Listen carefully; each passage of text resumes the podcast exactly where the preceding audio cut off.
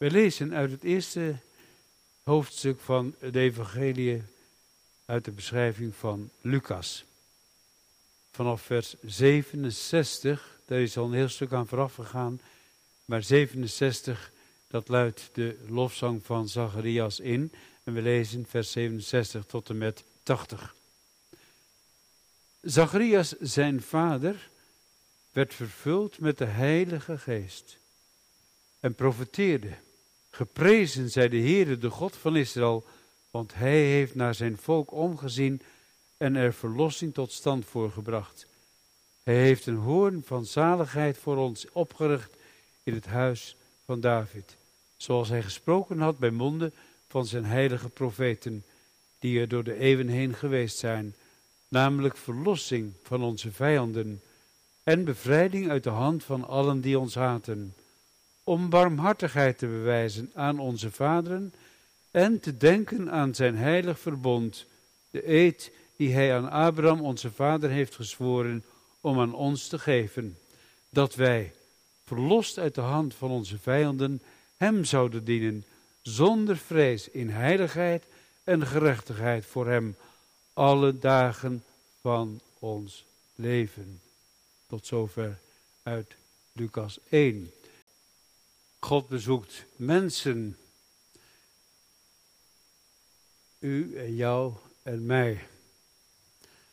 En de mensen die ik vanavond even wil typeren, die lijken misschien niet op een van ons. Liever ook niet. Want ze hebben een bijnaam gekregen. Achter de hand wordt er over ze gepraat. Over de een tenminste.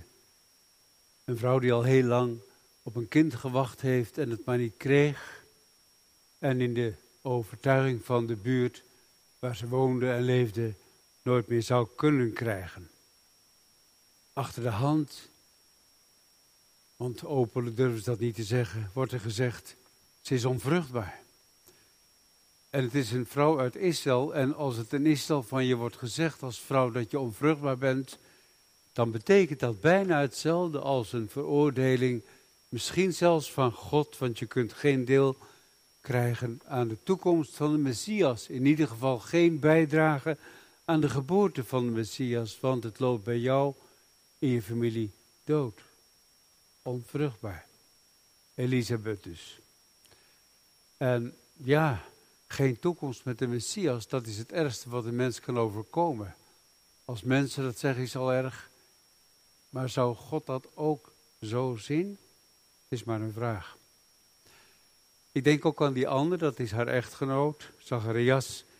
En uh, ja, die heeft uh, een lot uit de loterij gekregen. Nee, niet zoals die worden gegeven in de reclame op de televisie of zo. Dat bestond trouwens niet maar een lot uit de tempel. En mocht dat dan? Ja, dat mocht in de priester rijen van afspraken. Dat je geluk had als je gelood werd om daar te mogen offeren in de dienst van de tempel. De dag van je leven. En dat was voor Zacharias natuurlijk ook zo. Maar er is wat gebeurd. Terwijl hij daarmee bezig was, er is een engel aan hem verschenen die aan hem kwam vertellen dat zijn vrouw een zoon zou baren met de belofte erbij van een mooie toekomst in het koninkrijk van God. Hij kan het maar niet geloven. Ik zeg niet dat ik dat een beetje begrijp, want ik weet eigenlijk niet wat zo iemand dan overkomt. Maar ik kan me toch wel een beetje indenken dat hij daar heel veel moeite mee heeft om dat nu te kunnen geloven. En er wordt er eigenlijk direct, direct ook op afgerekend want de boodschapper van God die het hem verteld heeft, die zegt, je zult zwijgen. Je mag er niet over praten. En uh, je moet wachten met het spreken totdat je zoon geboren is. Zwijgen. Dat is wel heel zwaar voor hem. Hij kan er niet over praten. En het wachten duurt altijd lang, zeker in dit geval. En om dan voortdurend alleen maar te mogen denken, dat toch wel aan de trouw van God. Maar ja, hij blijft stom, om het heel plat te zeggen. En zijn vrouw verstopt zich, die verbergt zich, omdat ze niet zich wil overleveren aan de praatjes van de mensen, want die zijn er al genoeg geweest. Verblijd zijn ze en toch geremd, om zo te zeggen. En dan komt het zover dat de kleine wordt geboren. En dan ineens zijn al die mensen die er zo het nodig over hebben gezegd onder elkaar, niet openlijk, maar hoe gemeen gaat het onder elkaar wel eens toe, dat ze ineens toch verblijd zijn dat God heeft omgezien naar haar. Dat hij barmhartigheid aan haar heeft bewezen en dat ze ook wel een mooie naam voor hem zullen hebben.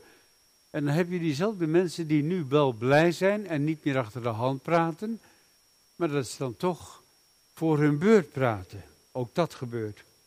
Voor hun beurt praten, want zij hebben wel uitgerekend hoe hij zal heten. Dat kunnen ze uit de familie wel natrekken. En het zal wel zus en zo en het zal wel Zacharias zijn. Maar Elisabeth zegt nee. En het antwoord blijft weg. En dan komen de mensen die dat willen weten en die zich zeer verbazen over deze reactie. Zeggen, dan moeten we naar de vader toe gaan. De vader, die moet de naamgeving toch naar buiten brengen. Maar die is stom. Die kan niet praten. Zijn tong zit vast. Alleen heeft wel een tablet. Een modern woord, wat helemaal niet past bij hem, maar het is in ieder geval iets van die naart waar je wat op kunt noteren. En hij schrijft het op. En met dat hij het opgeschreven heeft, begint hij te zingen. Want dan zeggen de mensen al een poosje, hij heeft zijn tong verloren, maar hij heeft wel gelegenheid om iets op te schrijven, want hij weet iets en dat heeft hij misschien al die tijd overdacht en dat heeft hij als een geheim bewaard en nu kan hij dat zeggen. Maar dat zeggen, dat wordt zingen. En als zeggen zingen wordt, dan is God aan het werk. Zijn leven, jouw leven ook, mijn leven. Heb je momenten dat je zegt, ja, als zeggen zingen wordt. Ik heb het wel eens gezegd in een preek, ook hier wel in de Sint-Jan destijds. Soms zou ik liever zingen. En er zijn hier ook goede zangers. Ik zou graag meedoen. Soms liever als spreken. Natuurlijk niet om te ruilen, maar om eens even wat te zingen van Gods genade. Want die naam die bekend wordt gemaakt, Johannes, Johanan in het Hebreeuws, dat is God is genadig. En wij zingen daarvan, hij heeft gedacht aan zijn genade. Maar het wordt voor deze jongen die geboren is, wordt het zijn werk en zijn leven. En op de dag van zijn besnijdenis komt die naam tevoorschijn, wordt aan hem verbonden als een tekening van zijn leven en van zijn levenswerk. En vooral van Gods werk. Hij zal zoiets als een profeet zijn. Grote dingen zal hij van God zeggen. Een sprekende vingerwijzing. En later zal hij zijn vinger, ook als hij groot geworden is, heel veel gebruiken in de richting van de Messias, Jezus. En het zinde door de omgeving heen en ook door het gehele berg van Judea. Er zal verlossing komen. Er heeft zich een wonder voltrokken. Overal wordt meegefeest dat dit gaat gebeuren. De smaad van mensen die elkaar wordt aangedaan soms, en die soms levenslang heel veel pijn doet, die wordt gebroken. En het stilzwijgen, het verplichte stilzwijgen door eigen ongeloof, wordt doorbroken. De geest doorbreekt de grenzen die door mensen zijn gemaakt. En luid klinkt de naam Johannes is zijn naam. Hij is de verlosser niet. Maar die ander, die na hem komt, die mag hij onthullen, die mag hij gaan verkondigen. Groot zal hij zijn voor God in zijn werk. En hij komt in de geest van Elia. Daar moeten de mensen maar aan denken. En dat hebben ze altijd al een beetje gehad, dat ze bij de komst van de Messias altijd maar aan Elia moesten denken. Nou, in die geest zou deze baby, zou deze jongen, deze man later de smaad van mensen wegnemen in de prediking die hij brengt. Het ongeloof zal hij proberen te bestrijden. Het is Gods werk, dat weet hij wel. En dat weten we allemaal wel. Maar hij doet er wel aan mee om dat ongedaan te maken. En mensen die monddood zijn, die zal hij woorden leren krijgen die ze kunnen uitspreken. De zwijgzaamheid wordt verbroken. Er zal worden getuigd van mensen, van hun bekering en van vergeving van zonden en van een voorzichtig leven in heiligheid en gerechtigheid. Allemaal mooie woorden. Allemaal mooie woorden die voorkomen in het woord van God en in het werk van God. En nu zijn we toch ineens helemaal in Israël, met de dingen die ook in Israël iedere keer aan de orde waren. Zeker ook in de tijd dat de Heer Jezus zou geboren worden en ook in de tijd dat Johannes geboren is. Want Israël is niet vrij. Israël is bezet gebied. En de wereld is in oorlog. Zoals nog steeds. En het is nu advent. Al zoveel keer misschien. En ik heb er al zoveel keer over mogen preken. Het is iedere keer toch weer advent. Omdat in alle opzichten de God over wie wij spreken een hele andere is. Niet een bedachte religieuze figuur of, of verdichtsel van mensen zoals ze willen. In hun angst of in hun honger. Dan gaan ze offeren voor iets wat ze graag willen hebben van die God. Nee, we zingen van dat wat ze krijgen onverdiend van de God van Israël die leeft. Israël heeft een levende God. En er wordt zelfs gezongen van verslagen vijanden, want zo sterk is Hij. Hij is degene die was, die is en die komt. En die geboren priesterzoon, die zal daarvan getuigen. Een hele zware opdracht en tegelijkertijd ook een hele hoge en mooie opdracht. En in Israël is dat hard nodig, maar ook in de wereld van vandaag. Want net als Israël missen wij maar al te vaak de antwoorden op de vraag waar God toch is. Waar God toch blijft in de nood en in de oorlogstijd en in de crisis, noem het maar allemaal op. En dan ineens word je in de kerk weer herinnerd aan profetische woorden. Mag je gaan zingen?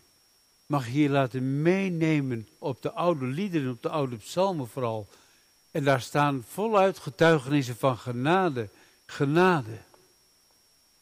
En dan leggen we vanavond ons, ons leven er maar naast. Probeer het maar eens even.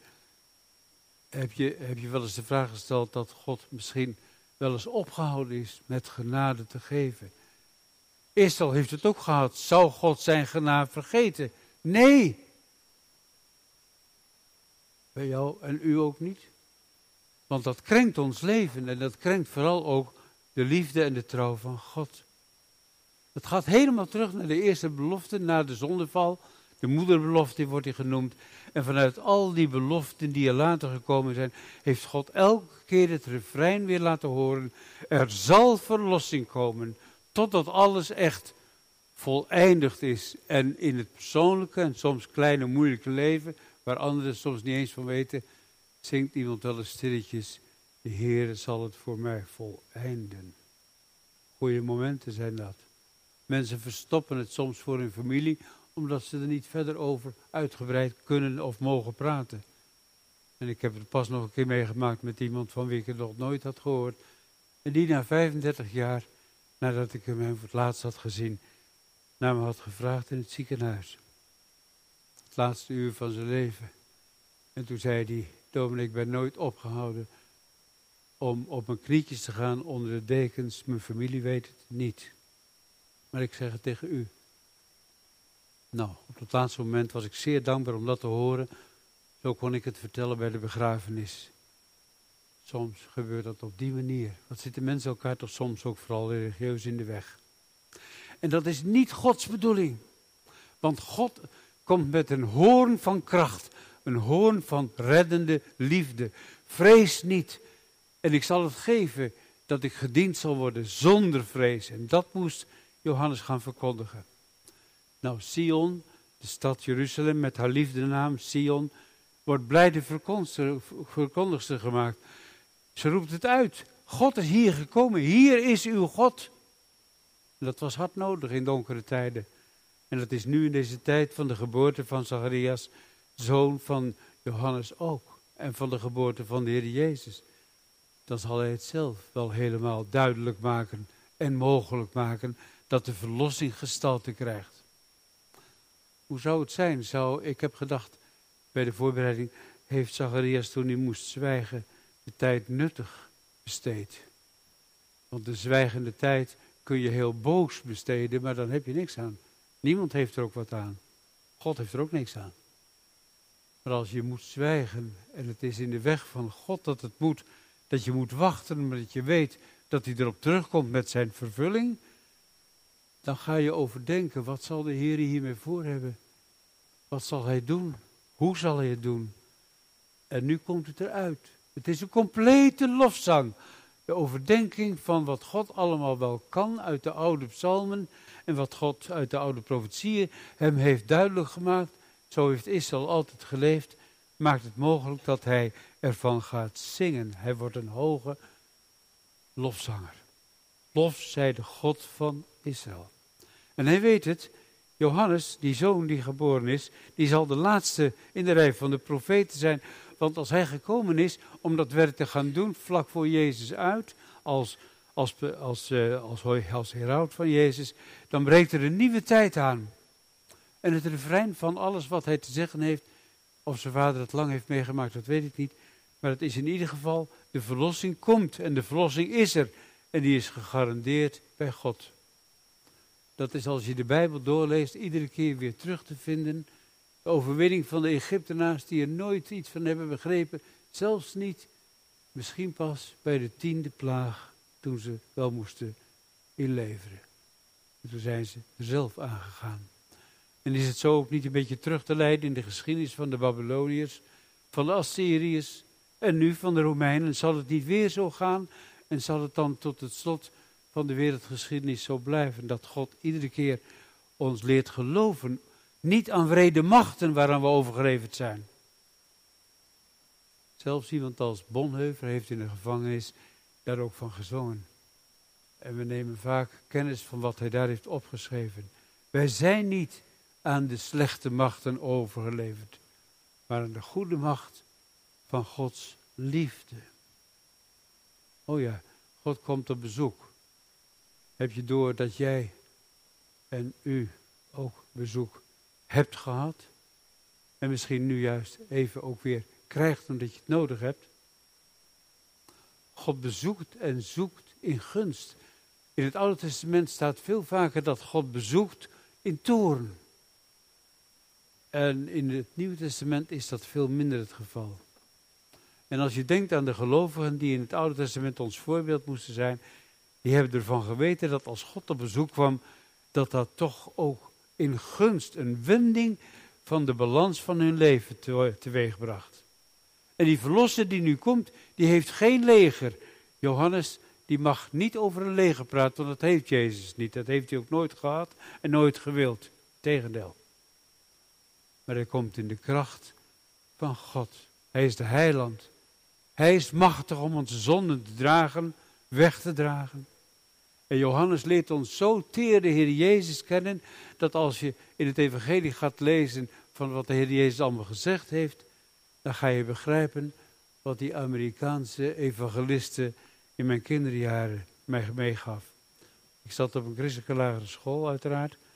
En zondagsmiddags dan zei mijn vader, daar hoef je helemaal niet toe, want je zit op een christelijke school. Het was een bijbelklasje van Amerikaanse zendelingen.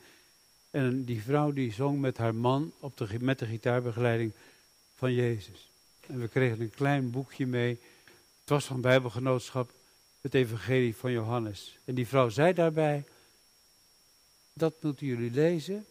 En als de Heer Jezus zegt: Ik ben de goede herder, dan moet je daarbij zetten voor jou. Ik ben de deur voor jou. Ik ben het brood des levens voor jou. Ik ben, en noem al die uitspraken van de Heer Jezus maar achter elkaar. Denk dan als je dat leest voor jou. Want dat hoeft hij voor zichzelf niet te zijn. Dat doet hij voor anderen die dat juist lezen. Of die dat uit de mond van predikers of van evangelisten horen. De Heer Jezus is zoals hij zegt dat hij is. En dat heeft Johannes dus ook gedaan die heeft dat voortdurend aan de mensen duidelijk gemaakt. Die heeft mensen achter zich aangekregen. En dat is natuurlijk altijd gevaarlijk als je mensen achter je aankrijgt, ook in de preekwereld. Want daar worden ze volgelingen van. En ja, dat is dan niet de bedoeling dat volgelingen van dominees zullen zijn. Want dominees moeten soms ook hele moeilijke dingen gaan zeggen. En nou, dan ga je liever niet achteraan. Je kijkt liever af waar die dan die moeilijke boodschap gaan brengen. Boodschap van onheil. Op Urk bijvoorbeeld, als er een schip vergaan is, dan gaat, gaat er dominee voorbij. Die brengt een onheilsboodschap. En dan ben je blij die voorbij gegaan is. Het is ook moeilijk om zo'n boodschap te brengen. Ik heb dat wel eens moeten doen na een busongeluk waar acht mensen bij omkwamen met een collega samen. En we waren er alleen maar even binnen, jas uit, jas weer aan en naar de volgende. Want iedereen begreep dat daar onheil was gebracht. Dominees moeten soms een onheilsboodschap brengen. En soms doen de mensen, ik weet niet of u dat zich schuldig hebt gemaakt, ik hoop van niet, dat God ook een onheilsboodschap brengt. Nooit. Nooit. Nooit. Als hij een boodschap brengt, dan is het de heilsboodschap. Hij kan niet zwijgen van zijn zoon die hij gegeven heeft aan verloren zondaren. Dat is Advent. En daarom bezoekt hij nu ook jou, u en mij ook uiteraard. En wij zijn mensen die onze tijd proberen om daar een beetje een route in te vinden. En we jachten en we jagen en we zijn zo druk en we hebben geen tijd om stil te zitten, om te wachten op een adventsboodschap, om die binnen te laten in ons leven.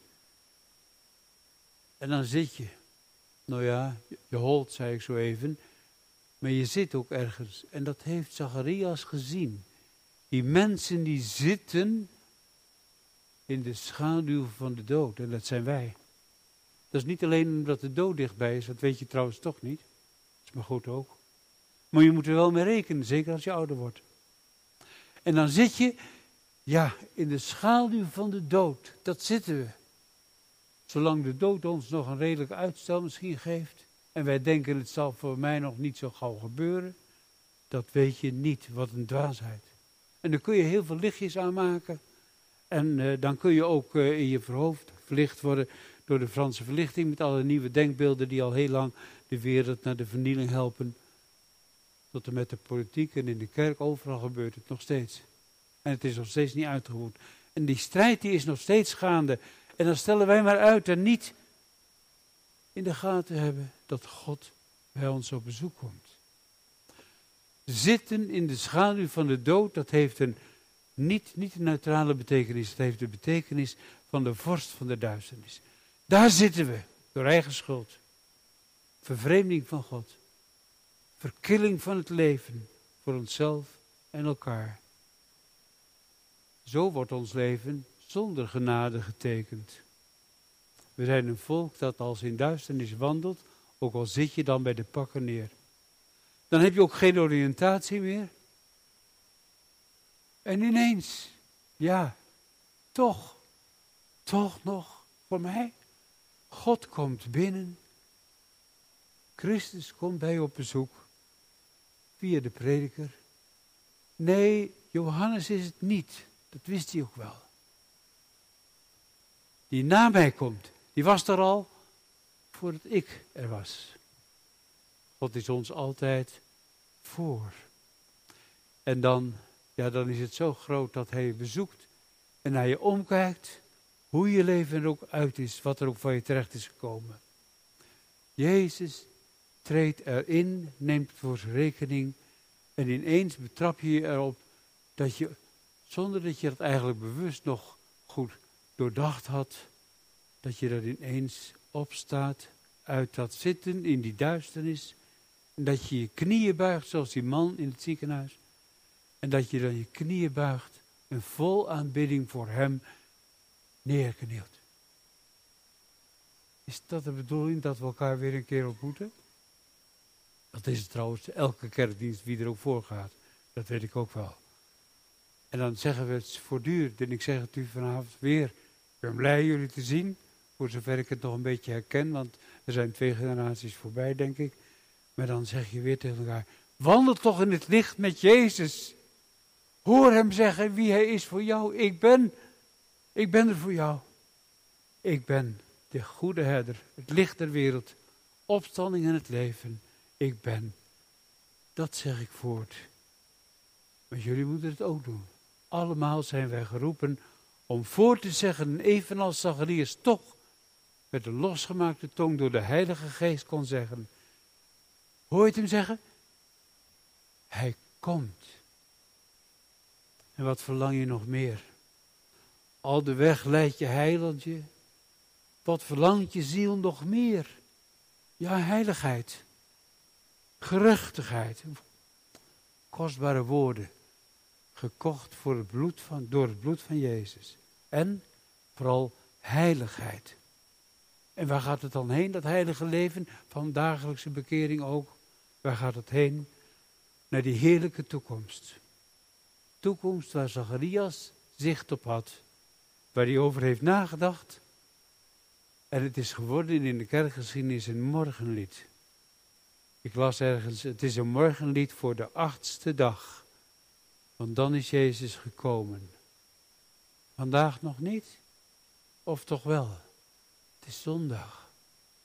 Wat zal het heerlijk zijn, gedragen door de lofzang, Hem te mogen gaan dienen, zonder vrees.